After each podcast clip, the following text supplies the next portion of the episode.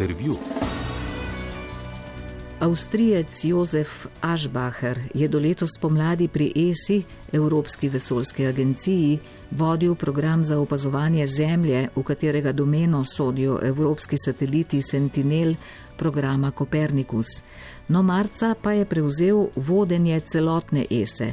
V Ašbaherjevih rokah bo tako v veliki meri ležalo usmerjanje evropske vesoljske strategije v ključnem obdobju, pomen vesolja in vloga vesoljskih tehnologij pri zagotavljanju cele palete storitev, od katerih smo tu na Zemlji vse bolj odvisni, se namreč naglo povečuje. Vse jasneje se tudi kaže, da se utegne prav v vesolju odvijati odločilni del tekme za prevlado med velesilami v 21. stoletju. Kje se v tem kontekstu vidi Evropa? Kakšna je vesoljska vizija za prihodnje desetletje novega generalnega direktorja Evropske vesoljske agencije.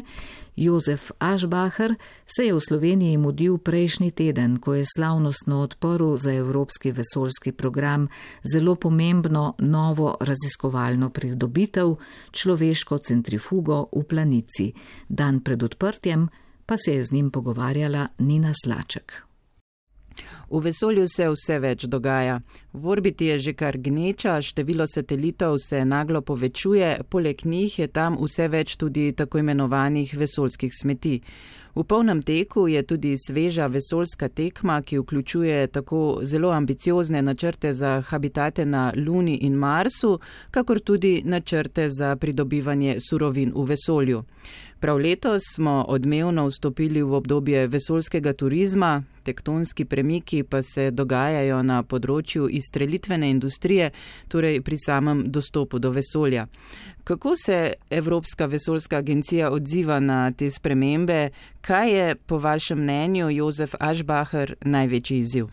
Um, big tectonic uh, changes happening in space right now. Uh, two of the richest uh, people in the world are Kot ste povedali, se v vesolju dogajajo tektonski premiki. Dva izmed najbogatejših ljudi na planetu, Jeff Bezos in Elon Musk, vlagata ogromno denarja v vesolje, pa seveda nista edina. Tu so še številni drugi iz zasebnega sektorja. Ogromno kaj pa da vlagajo tudi države. Združene države Amerike, Kitajska, Rusija, Japonska in številne druge. Skoraj vsak dan so v medijih novice o dogajanju v vesolju. Zdaj o novi izstrelitvi maskovega podjetja SpaceX, o turističnem poletu Jeffa Bezosa ali Richarda Bransona iz podjetja Virgin Galactic, pa o kitajskem pristanku na temni strani meseca, o kitajski vesoljski postaji, ki jo prav zdaj gradijo, in o tajkonautih. Vsak dan se ogromno dogaja. Kot generalnemu direktorju Evropske vesoljske agencije se mi zdi ključno vprašanje, kaj tu počne Evropa, kakšno je evropsko stališče pri teh dogajanjih. Če pogledamo na situacijo nekoliko bolj oddaleč, obseg evropskega gospodarstva je po ekonomski moči primerljiv z ameriškim ali kitajskim, v vesolju pa temu ni tako. Evropa nameni področju vesolja približno šestino ali celo le sedmino sredstev, ki jih v te namene dajajo američani. To govorim za javni sektor. Na zasebnem je razmerje še veliko slabše. Leta 2020 so zasebne investicije v Združenih državah znašale 7,5 milijarde ameriških dolarjev, v Evropi pa 500 milijonov. Razmerje je torej 1 proti 15. Na mestu je vprašanje, zakaj ljudje zunaj Evrope namenjajo vesolju toliko denarja. Zato obstaja več dobrih razlogov. Vesolje ima strateško dimenzijo. Če si vele sila v vesolju, si lahko tudi vele sila na Zemlji, na svetovnem prizorišču. V vesolje se vlaga iz strateških, varnostnih in obrambnih razlogov. Veliko je vidikov, zaradi katerih še prav posebej Združene države Amerike in Kitajska, pa tudi Rusija, Japonska in drugi toliko vlagajo v to področje. Nikakor ne gre spregledati niti ekonomskih vidikov. Obseg z vesoljem povezane ekonomije zelo hitro raste. Trenutno njen obseg znaša približno 300 milijard dolarjev in ekonomske napovedi kažejo, da se bo v naslednjem desetletju povečala na trilijon. Gre za občutno povečanje, ki se bo še zlasti poznalo v sektorju razvoja konkretnih aplikacij in storitev za končne uporabnike, prav na področju torej, kjer je tudi Slovenija zelo dobra. Rast je tu zelo hitra, več kot 10 odstotkov na leto. Tretji razlog pa je, da so vesolje in vesoljske tehnologije že zelo močno prisotni v vsakodnevnem življenju. Od vremenskih napovedi do rabe v kmetijstvu in gozdarstvu, uporabljamo jih za pomoč pri obladovanju naravnih nesreč, poplav, požarov, neviht, seveda v polju telekomunikacij in navigacije. To so vse primeri, kako smo v vsakodnevnem življenju že odvisni od vesoljskih tehnologij. In seveda se v ta segment ekonomije veliko investira. Ob vsem tem pa ne gre pozabiti vloge, ki jo igra človekovo navdušenje nad vesoljem, nad astronauti, raziskovanjem vesolja in obeti, ki se odpirajo onkraj našega sončnega sistema. In jasno, ob raziskovanju vesolja se vedno znova sprašujemo tudi, odkot pravzaprav prihajamo, kako se je vesolje sploh začelo. To so fantastična vprašanja in raziskovanje vesolja nam jih pomaga naslavljati. Vsak dan odkrivamo nove odgovore na stara vprašanja in vsak odgovor sproži nova vprašanja. A vprašanja o začetkih vesolja, življenja in ljudi, pa tudi o tem, kam smo namenjeni, so res intrigantna. In da bi na nje lahko odgovorili, moramo raziskovati vesolje, le tako lahko odkrivamo, kaj je okoli nas. Vidikov o relevantnosti vesolja je torej res veliko. Mirno lahko rečem, da je na nekaterih področjih Evropa res odlična, na drugih pa ne. Prav temu bi se želel posvetiti, da zagotovim, da ne bi spregledali aktualnih trendov in priložnosti, da skratka zagotovim, da iz tekme ne izpademo.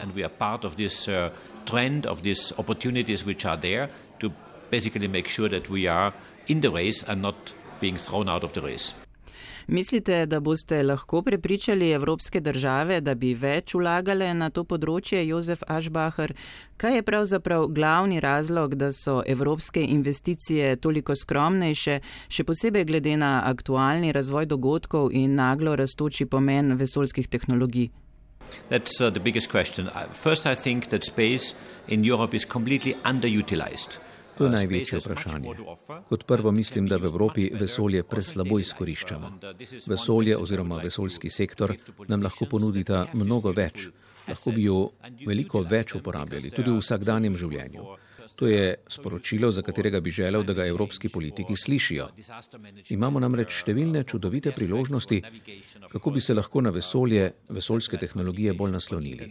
Da nimo pri naslavljanju podnebnih sprememb, pri obladovanju nesreč, navigaciji, satelitski komunikaciji, internetu iz vesolja in še marsikje drugje.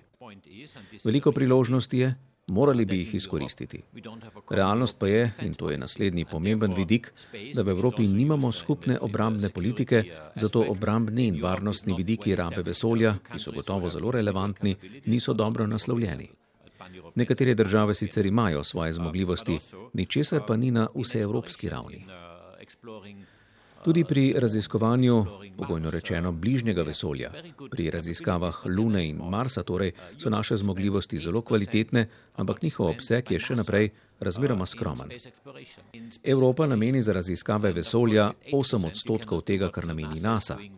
Z 8 odstotki pa seveda ne moremo početi tega, kar počne NASA, z 12 krat več sredstvi. Tu vsekakor nismo na isti ravni. Rad bi, da bi se naši politiki tega zavedli. Evropa tukaj zamuja priložnosti in nedvomno bi morala investirati več.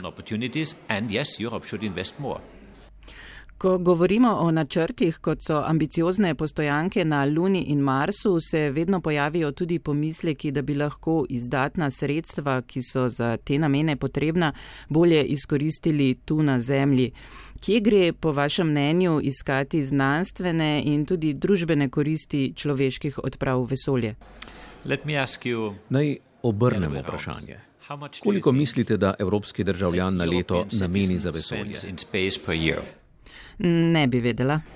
Ugibajte. Morda 50 evrov? Odgovor je 12 evrov na osebo na leto. 12 evrov je v nekaterih evropskih državah cena kinovstopnice. Lahko vam zagotovim, da ESA za to ceno priskrbi res vrhunski film. Vrhunsko zabavo, pa ne samo zabavo. Tu gre za res dobro rabo vesolja. Hočem reči, naša investicija v vesolje resnično ni visoka.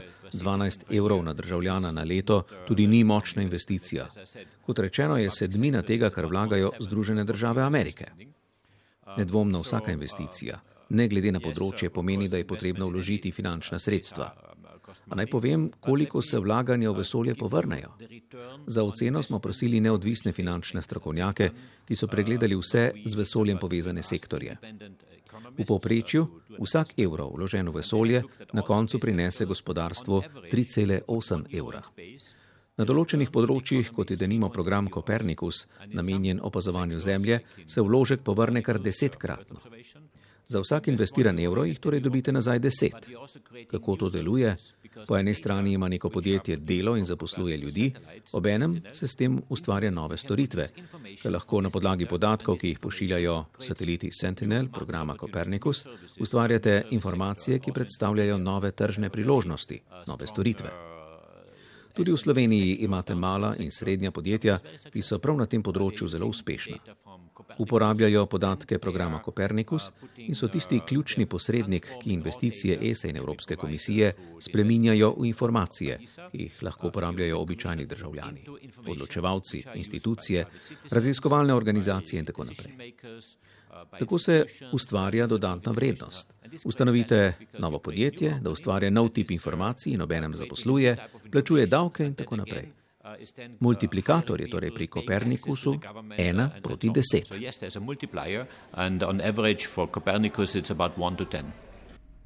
Podatki evropskih satelitov programa Copernicus so na voljo v odprtem dostopu, kar seveda odpira mnogo različnih možnosti uporabe, ampak glede na to, kar ste že povedali, Jozef Ašbacher, se sprašujem, kako zagnana so evropska podjetja pri izkoriščanju teh možnosti. Omenili ste slovenska podjetja. Zdi se, da bi lahko v Evropi z vsemi temi podatki, ki so na razpolago, naredili še precej več mention uh, one particular company, and I'm not making promotion at all for any company here, but uh, I know them very well because we have worked with them uh, a lot. Seveda bi lahko naredili bistveno več. A naj omenim podjetje, pa ne bi rad delal kakšne promocije, a jih dobro poznam, ker smo veliko sodelovali. Synergize je slovensko podjetje, ki je zelo pametno pristopilo k podatkom Sentinelov in pripravilo rešitev, ki prek sistema v oblaku omogoča širok dostop do teh podatkov. Sodelujejo z mednarodnimi podjetji in seveda z Evropsko vesoljsko agencijo in svojim delom omogočajo, da se ti podatki lahko vsestransko uporabljajo, da jih pravzaprav lahko uporablja kdorkoli na svetu. To je nedvomno izrednega pomena in pomemben adut, ki ga imate v Sloveniji. Podjetja se seveda ukvarjajo z različnimi aplikacijami, nekatere omogočajo dostop do teh podatkov za širše skupnosti prek novih oblačnih storitev, druga te podatke uporabljajo za spremljanje polščin v kmetijstvu ali za odzivanje na nesreče, če denimo pride do poplav.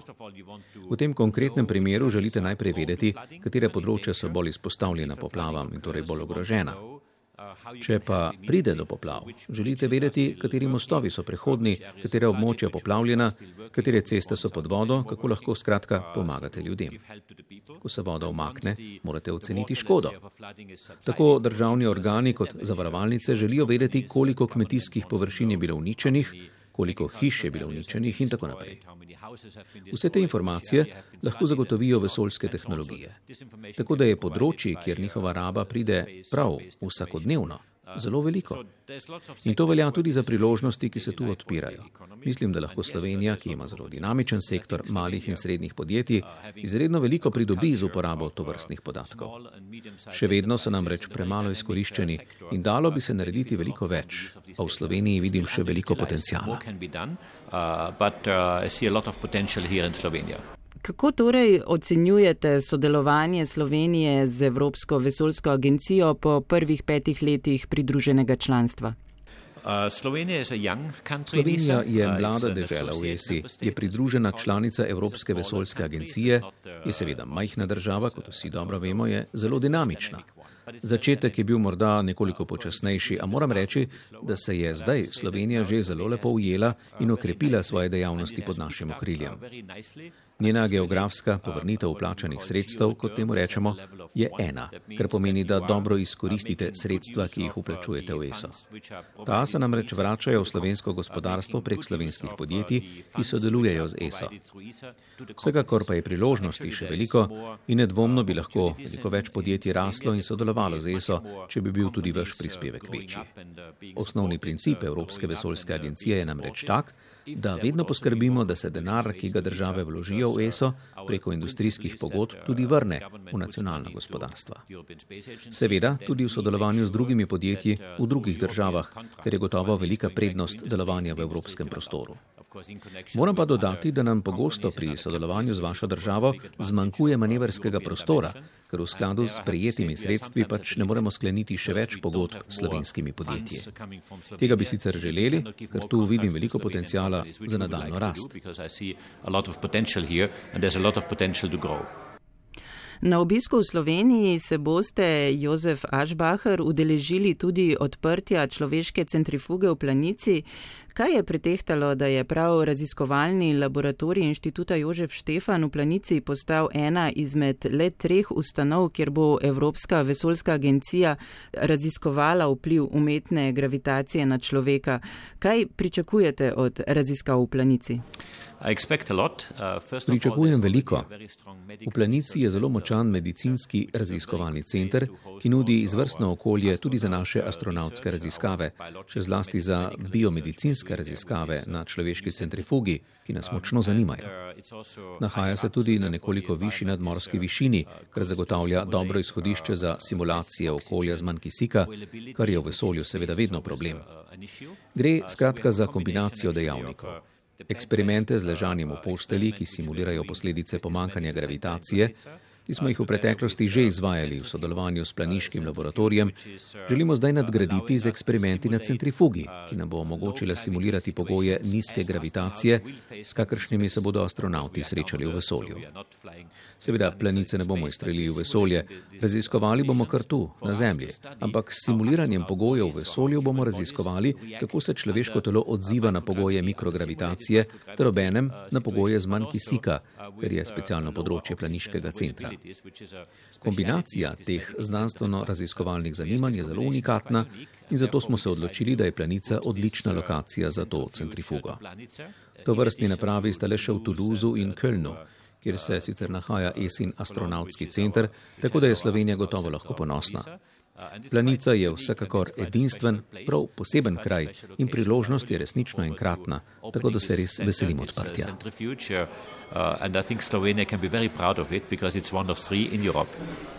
Kaže pa tudi, da Evropsko vesoljsko agencijo raziskave dolgoročnejšega bivanja človeka v vesolju zelo zanimajo. Kako pravzaprav vidite prihodnost v tem pogledu? Prej ste izpostavili, koliko manj sredstev Evropa namenja za vesolje v primerjavi z Združenimi državami Amerike. V kolikšni meri bomo torej evropejci dejansko lahko prisotni na Luni in Marsu? Zagotovo se bomo tja podali v sodelovanju z drugimi partnerji, še zlasti z NASA. Na Luno se že podajamo skupaj. Pa imamo evropejci že zagotovljen tudi sedež na programu Artemida, ki je krovni nasim program namenjen vrnitvi na Luno? Imamo sedeže na mednarodni vesoljski postaji. Kot veste, imamo prav zdaj tam astronauta, imamo tudi zagotovljene tri sedeže za lunarni portal, za orbitalno postajo, torej, ki bo krožila okoli Lune. Prav zdaj pa se pogajam, vendar v tem trenutku še nimamo potrditve, za sedež na odpravi, ki se bo spustila na površje. Rad bi videl, da bi se to zgodilo še pred koncem tega desetletja. Do leta 2029 bi torej želel, da evropski astronaut pusti svoje sledi na površju Lune. Smo torej sredi pogajanj, ampak to je nedvomno moj cilj. Jozef Ašbacher, kako torej vidite, glede na preusmeritev pozornosti na bolj oddaljene cilje, prihodnost mednarodne vesoljske postaje? Kaj bo sledilo?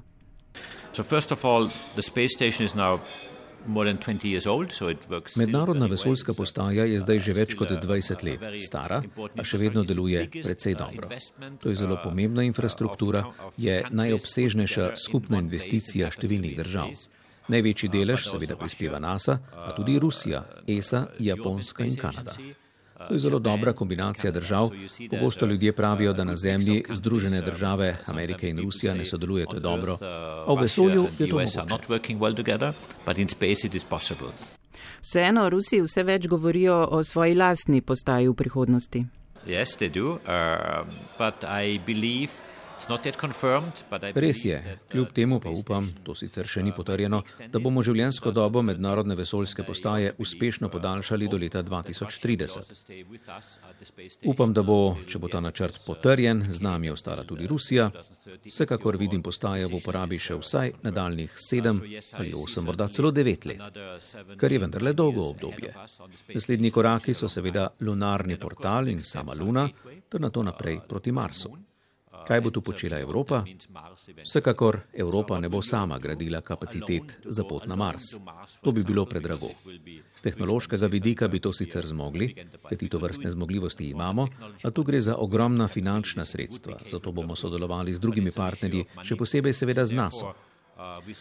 Tako kot danes to počnemo na vesoljski postaji, kjer tesno sodelujemo z NATO, a tudi z Rusi in drugimi. Tako da bomo šli tudi na Luno skupaj z NATO. In tudi, ko bomo šli naprej od Lune proti Marsu, bomo najverjetneje šli skupaj z NATO. We are going to the moon together with NASA, and uh, when we go beyond moon, we will most likely do it with NASA again. Bo ESA v vesolju sodelovala tudi s Kitajsko? Bo morda evropski astronaut obiskal njihovo vesoljsko postajo? To je zelo dobro vprašanje, kajti pravkar sem dobil ponudbo Kitajske in tudi Rusije za sodelovanje na njihovi lunarni raziskovalni postaji. Prav zdaj preučujemo to ponudbo. Vsekakor je moja prednostna naloga sodelovanje z Združenimi državami in z NASA ne bi izključeval sodelovanja z drugimi, a Združene države so gotovo prioriteta. Vaš predhodnik na čelu ESE, Johan Dietrich Werner, je glasno zagovarjal zamisel o lunarni vasi na površju meseca, kjer bi sodelovale različne države. Kitajsko-ruska zamisel gre nekoliko v to smer, a Združene države so vsaj trenutno zelo zadržane do sodelovanja s Kitajsko. Um, uh, uh, to sicer drži, a v tem trenutku smo še zelo oddaljeni od česa konkretnega. Lete, ne Rusi, ne Kitajci, ne Američani za zdaj še niso na Luni. Vsekakor bo potrebno najprej videti, kako se bo vse skupaj razvijalo. Moje mnenje je, da bo Luna vsekakor postala naslednja baza v vesolju po mednarodni vesoljski postaji. Mislim tudi, da bodo Američani in ameriška podjetja investirali v Luno. Tam se marsikaj odpira. Tamkajšnji viri lahko služijo kot izhodišče za izgradnjo infrastrukture, pa tudi kot izhodišče za odprave dlje naprej, delimo proti Marsu. Tudi mi imamo številne načrte, nekateri so bolj v predalu, drugi bolj na mizi. Videli bomo, kako se bodo stvari razvijale v naslednjih letih. Ključna razlika je predvsem v tem, da bo v prihodnje pri teh načrtih mnogo intenzivneje sodeloval tudi zasebni sektor. Nekaj dela bomo nedvomno opravili v vesoljskih agencijah, Toda znatno več kot doslej bodo postorili zasebniki. Na področju raket je to že zelo očitno. Tu so že zdaj Jeff Bezos, Elon Musk in drugi. Prepričan pa sem, da bomo v tem desetletju priča skokovitemu naraščanju investicij zasebnega kapitala v vesolje. Kako pa bo Jozef Ašbacher ESA ostala konkurenčna na področju izstrelitev? Tu gre vendarle za temeljno infrastrukturo, ki omogoča dostop do vesolja, s tem pa tudi bolj enakovredno sodelovanje, pa če tudi za konkretne izstrelitve na to na mesto lastnih uporabite katero od drugih možnosti, ki so na voljo. Danes je videti, kot da si vsi prizadevajo prekopirati SpaceX-ovo raketo Falcon 9. Kakšen bo tu esin odgovor? Ariane 6, ki je še v razvoju, se zdi kot nekoliko pozen odgovor. Po načrtih bo Ariane 6 izstreljena leta 2022. Bo lahko konkurenčna glede na cene, ki jih za izstrelitve zaračunava podjetje SpaceX? Uh, Odvisno, kako definirate konkurenčnost. Cena, ki jo zaračunava podjetje SpaceX, ni dejanski strošek rakete. In zagotovo veste, da je cena, ki jo SpaceX ponuja komercialnim strankam v Evropi, mnogo nižja, kot jo ponuja za isto storitev na enaki raketi za izstrelitve, ki jih financira ameriška vlada, torej NASA, ameriško obramno ministrstvo in drugi. Razlika v ceni je skoraj trikratna. Zakaj? Why? Zakaj? Zelo preprosto. Da pridobijo večji tržni del. Podjetje želi večji kos pogače in obenem želi z trga izriniti konkurente, zato ponuja toliko nižje cene. Ne bom rekel, da gre za dampinške cene, so pa mnogo nižje za komercialne stranke, tako pač pridobivajo tržni delež. A stroške je vendarle potrebno nekako pokriti, zato so cene v Združenih državah toliko više. Takšna je realnost. Veste, takšne stvari se dogajajo tudi zunaj vesolskega sektorja. Vprašanje, ali je Ariane 6 konkurenčna Falconu, zato v tem primeru ni pravo vprašanje. Vprašati se morate, ali je Ariane 6 dobra lansirna raketa, ali izpolnjuje potrebe, ki jih ima Evropa, da torej lahko svoje satelite neodvisno od vseh drugih postavi v orbito. In tu je odgovor da. Ariane 6 je z tehnološkega vidika zelo dobra lansirna raketa, z vidika stroškov in cene je tudi povsem primerljiva z drugimi ponudniki na trgu. Sicer ni tako poceni, kot so nekatere ponudbe komercialnih ponudnikov, še posebej podjetja SpaceX. Če pa pogledate povprečno ceno izstrelitev, je vendarle povsem primerljiva. Izstrelitve so subvencionirane, tako v Združenih državah kot v Evropi, na Japonskem, v Rusiji ali kjerkoli drugje. Vodenje agencije, kot je ESA, zahteva delovanje na različnih časovnih ravneh. Po eni strani mora cela paleta aktualnih tekočih projektov potekati brezhibno, v pravo smer pa je potrebno peljati tudi zelo dolgoročne načrte. Kakšna je torej vaša vizija, Jozef Ašbacher? Uh, Imam velike načrte za Evropo v vesolju in vesolje v Evropi. Ko razmišljate o vesolju, morate razmišljati o naslednjem desetletju. Razvoj slehernega projekta namreč traja dolgo, vedeti morate, kje boste čez deset let. Da bi tja prišli, se morate stvari lotiti danes. Zato seveda imam velike načrte, mislim, da moramo nekaj stvari spraviti v red. Na prvem mestu samo sodelovanje med Evropsko komisijo in Evropsko vesoljsko agencijo. ESA ni bila vedno v vseh pogledih fantastična in zelo si prizadevam, da sodelovanje izboljšamo. To sva storila že s komisarjem za notranji trg, Thierryjem Bretonom. Prav na moj prvi dan na čelu ESA sva dorekla sporazum FFPA, torej okvirni sporazum o partnerstvu in finančnem sodelovanju med Evropsko komisijo, ESO in novo agencijo Evropske unije za vesoljski program. FFPA smo potem uradno podpisali junija letos. Želim pa si, da bova s komisarjem Bretonom tesno sodelovala tudi pri naslednjih vesoljskih projektih, kot so varna povezljivost, izstrelitvene zmogljivosti in številni drugi. V tem kontekstu lahko omenim še tako imenovane pospeševalnike, za katere verjetno še niste slišali, ker gre za povsem nov ESIN program, ki javno še ni bil predstavljen. Drugo področje, na katerem moramo v Evropi veliko narediti, je komercializacija. Omenjali ste SpaceX in Jeffa Bezosa, obstaja pa še veliko drugih podjetij, ki so izrazito komercialno usmerjena in Evropa nedvomno mora nadoknaditi zaostanek na tem področju. Silicijeva dolina ogromno vlaga v množico podjetij, predvsem s pomočjo skladov tveganega kapitala, s poceni denarjem, če hočete. Tudi Evropa se mora tu aktivirati in priskrbeti denar za fantastična mlada podjetja z briljantnimi idejami, ki morajo ostati v Evropi. Preprosto ne gre, da bi jo zapustili in odhajali v Silicijevo dolino, da bi tam uresničili svoje sanje. Ker veliko takih podjetij je, ki so začele v Evropi, pa tu niso imele ustreznih pogojev in so potem odšla v Združene države, v Silicijevo dolino in so zdaj zelo uspešna. Kratko malo si želim, da takšna podjetja ostanejo v Evropi. Briljantni znanstveniki in inženirji iz Slovenije bi morali imeti priložnosti v Evropi, da bi tukaj gradili svoje podjetja in bili uspešni. To pa pomeni, da moramo biti hitrejši, da jim moramo pomagati pri začetkih in zagotoviti lažji dostop do financiranja. Na tem resnično želim delati na evropskem nivoju, z Evropsko investicijsko banko, s skladi tveganega kapitala in drugimi deležniki. Potem pa moramo veliko delati na varnosti in zaščiti. To so pomembna področja vesoljskih tehnologij, kjer pa je Evropa zaskrbljujoče podrazvita. Tu bi res želel videti napredek.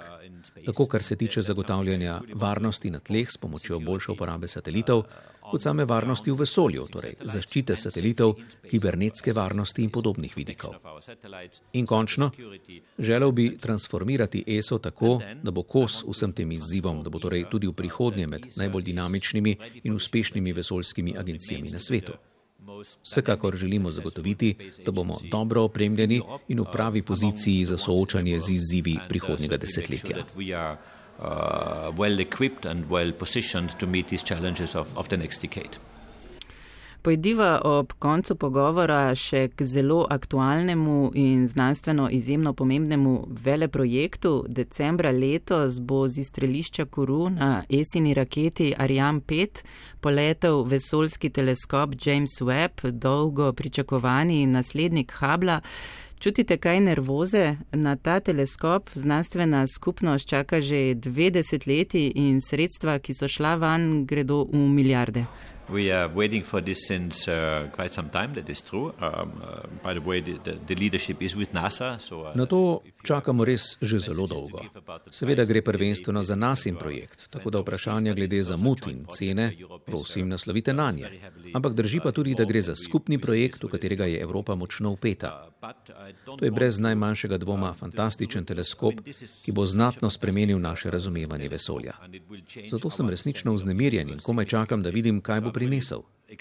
Morate si namreč predstavljati, da nam bo omogočil, da pogledamo nazaj skoraj do samega začetka vesolja, tam do 200 milijonov let po velikem poku. Vesolje je danes staro skoraj 14 milijard let in nova spoznanja o tem, kako se je pravzaprav vse začelo, nam bodo pomagala razumeti vesolje in njegov razvoj. Zagotovo bo fascinantno. Odprle se bodo povsem nove perspektive, ki bodo daljnosežno vplivali na naše samorazumevanje, poznavanje vesolja, planetov, sončnih sistemov, ter nam pomagale lažje odgovoriti na večni vprašanje, odkot prihajamo in kam gremo. Seveda sem nekoliko nervozen, da se bo vse dobro izšlo, izstrelitev bo namreč potekala na raketi Ariane 5. Zelo sem vesel, da se je NASA odločila za našo raketo. To je vsekakor velika čast. Mora pa iti vse po načrtih. To bo nedvomno velik trenutek.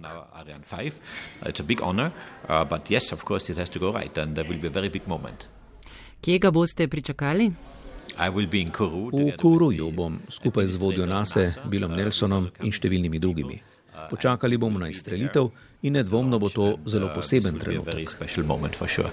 Vsekakor si vsi želimo, da bomo slišali navdušen aplauz iz Kuruja. Najlepša hvala, Jozef Ašbacher, za ta zelo zanimiv pogovor.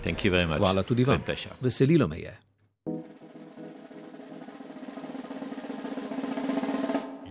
Intervju.